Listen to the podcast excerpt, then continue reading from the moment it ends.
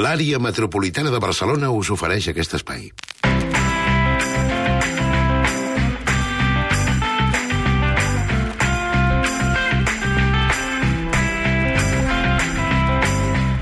Deu minuts per arribar a les 6 de la tarda, 10 minuts que de- dedicarem a fer-nos els bons propòsits per al cap de setmana. Avui amb el Josep Lambies i el Jordi Nopka. Bona tarda a tots dos, com esteu? Bona Bé, tarda. bé, bé. Bona tarda. Lambies, primer propòsit per aquest cap de setmana. Ah, ho he de dir jo, és veritat. Sí, normalment ho fem així, no? Tete!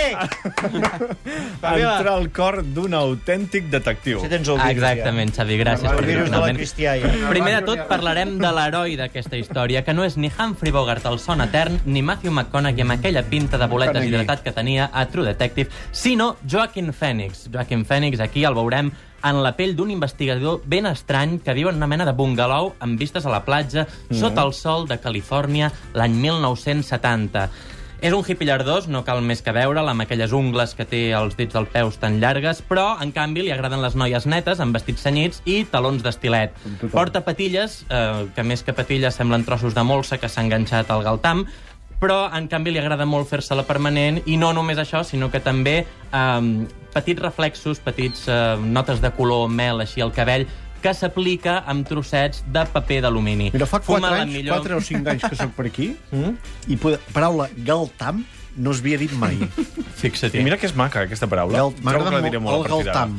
M'ha agradat molt, eh? Segueixo amb Joaquim Fènix i el Sí. seu galtam. Joaquim Fènix fuma la millor marihuana de la costa oest i menja croquetes amb maionesa. En aquesta pel·lícula té un cas molt difícil entre mans, un cas en què està implicat un home que es diu Peus Grans i una dona que respon al nom de Bambi. Si fins ara tot us sembla normal, amics, No, crec que teniu no. un senyor problema.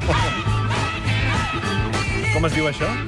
Això és Puro Vicio i és la nova pel·lícula de Paul Thomas Anderson, a qui potser recordareu per altres obres mestres sobre l'ensorrament de l'imperi americà com Pozos de Ambición o The Master. En aquesta ocasió completa el tríptic adaptant una novel·la de Thomas Pynchon eh, on transforma la figura del detectiu mil homes americà tipus mm. Philip Marlowe en un porreta tirat entre cervesa i cervesa té petites al·lucinacions narcòtiques. Només cal que feu un cop d'ull al cartell d'aquesta pel·lícula, aquelles cames tan atacables d'un color rosa llampant com un lluminós de neó anunciant un motel de carretera. Són temps d'àcids, eh, de collarets de flors, de camises hawaianes i, sobretot, de molta gresca. Hem deixat enrere el maig del 68 i estem encetant una dècada d'accessos i perversió de passadissos foscos i boires submarines. Que no us passi res, amics. Una de les estrenes d'aquesta setmana, Puro Vicio, la nova pel·lícula de Paul Thomas Anderson. Uh, és una 5 estrelles? És totalment una 5 estrelles. Indiscutiblement una 5 estrelles. Caram. Nopka, pròxim propòsit per aquest cap de setmana, llegir un centenar de microrelats de Lydia Davis. Deixeu que comenci amb una miqueta de literatura avui, especialment adreçada als atentíssims i esplèndids dimonis de la tribu. Atenció, que qui parla no sóc jo, escriptor Amigo, pèssim, amigo, amigo, sinó una gran autora, que és eh, Lydia Davis. La frase és aquesta. Tinc un problema al meu matrimoni, que és que senzillament a mi no m'agrada tant Georg Friedrich Händel com el meu marit. Així comença? Sí. Imagineu que un dia I això és el problema més gran que té amb el seu matrimoni. Sí, és un problema greu. Sí, és un inici espectacular, no us sembla? Molt. Espectacular, eh, sorprenent. Això. La narradora continua, diu, de debò que aquest és un problema que és una barrera entre nosaltres. Sento enveja d'una parella que coneixem, per exemple, fins al punt que de vegades agafen un avió i se'n van fins a Texas a sentir un tenor concret que canta un paper en una de les seves òperes. Mm. Què? Però això li passa a moltes parelles. Això li passa a moltes parelles. O sigui, un té una obsessió i l'altre no el segueix. Deixem que Händel entri en escena, si us plau. Jo penso que és evident que eh, Händel pot unir o desunir. No sé si vosaltres l'admireu o si Bastant. quan l'escolteu us tireu directes contra una paret, que també podria Jo passar. tot. Tot, eh? Jo Admirar, tot. Jo admirar i tirar. però al cap de 5 minuts haig de cada cop de cap a la paret. Em relaxa.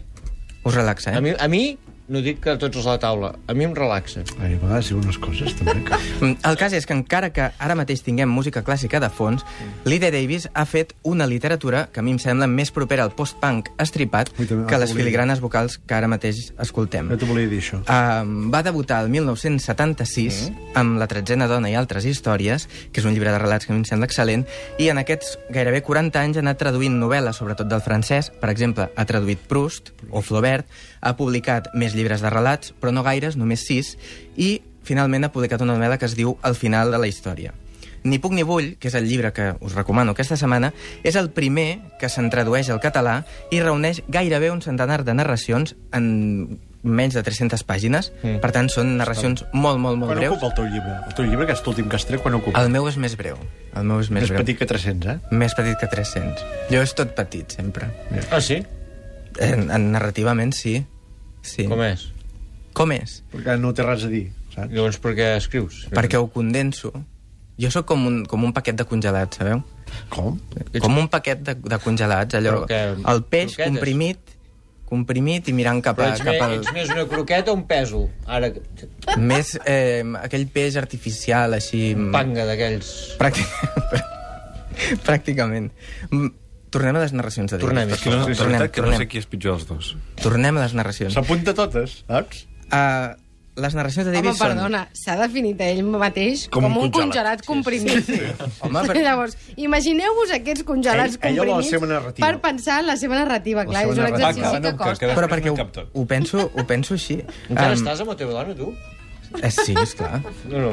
Esclar, ella també és un Fa congelat. molta llenya, el seu dona, eh? Ni puc ni vull, de la Davis està publicat s'ha acabat, per de 1984. Pròxim propòsit, l'envia. Recordar que quan fas 21 anys, la rosa es penseix del tot. Sí, sort que diuen que els 40 són els nous 20. Aquesta va per a tots els pares que estan farts de la febre Frozen, per a aquells que, si senten un cop més el Let It Go dels trons, pararan bojos. Diu que fa I la segona també- part, eh? Mare de Déu, senyor. Pobres pares. part, eh? Sí. I també per a tots els nens que han crescut sense els consells admirables de la senyora Potts, per a tots els que no han estat mai en un banquet en què els coberts i els plats es posen a ballar.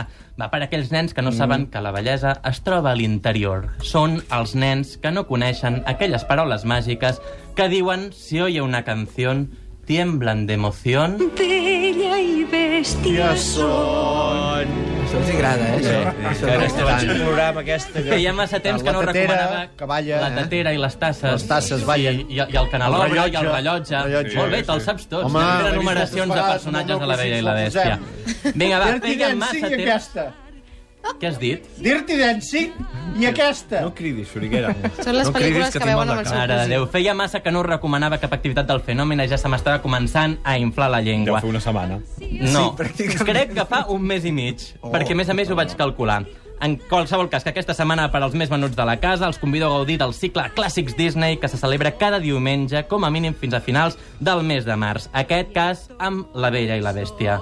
Molt bé, La Bella i la Bèstia, clàssic de Disney de l'any 1991, que es veurà una sessió matinal a la Sala Fenòmena de Barcelona aquest diumenge a dos quarts de dotze del matí.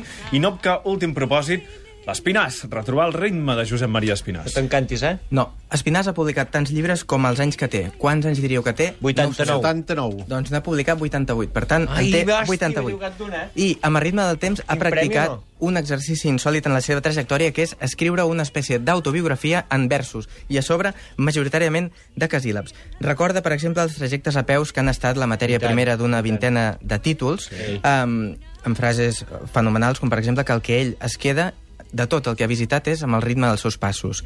Um, Carai. Espinàs escriu de casíl·labs, però, en canvi, defuig la rima que és el que no feia aquí, quan versionava Georges Brassens a la dècada dels 60. Um, Espinàs ha escrit gairebé 80 poemes, em sembla que són 78, si no m'he descomptat, Ai, i us el recomano temps. perquè fins i tot surt Camilo José Cela. El ritme del temps de Josep Maria Espinàs. Gràcies, Nopca, gràcies, l'envies fins la setmana que ve. Ho has fotut molt bé, no? Oh. Jo he vist com es van crear, com s'han transformat i com seran en el segle XXI les nostres ciutats, la nostra metròpolis. Visita l'exposició Metròpolis Barcelona, del 29 de gener al 25 d'abril a l'edifici Disseny Hub Barcelona, a la plaça de les Glòries. I tu, com imagines? AMB, Àrea Metropolitana de Barcelona.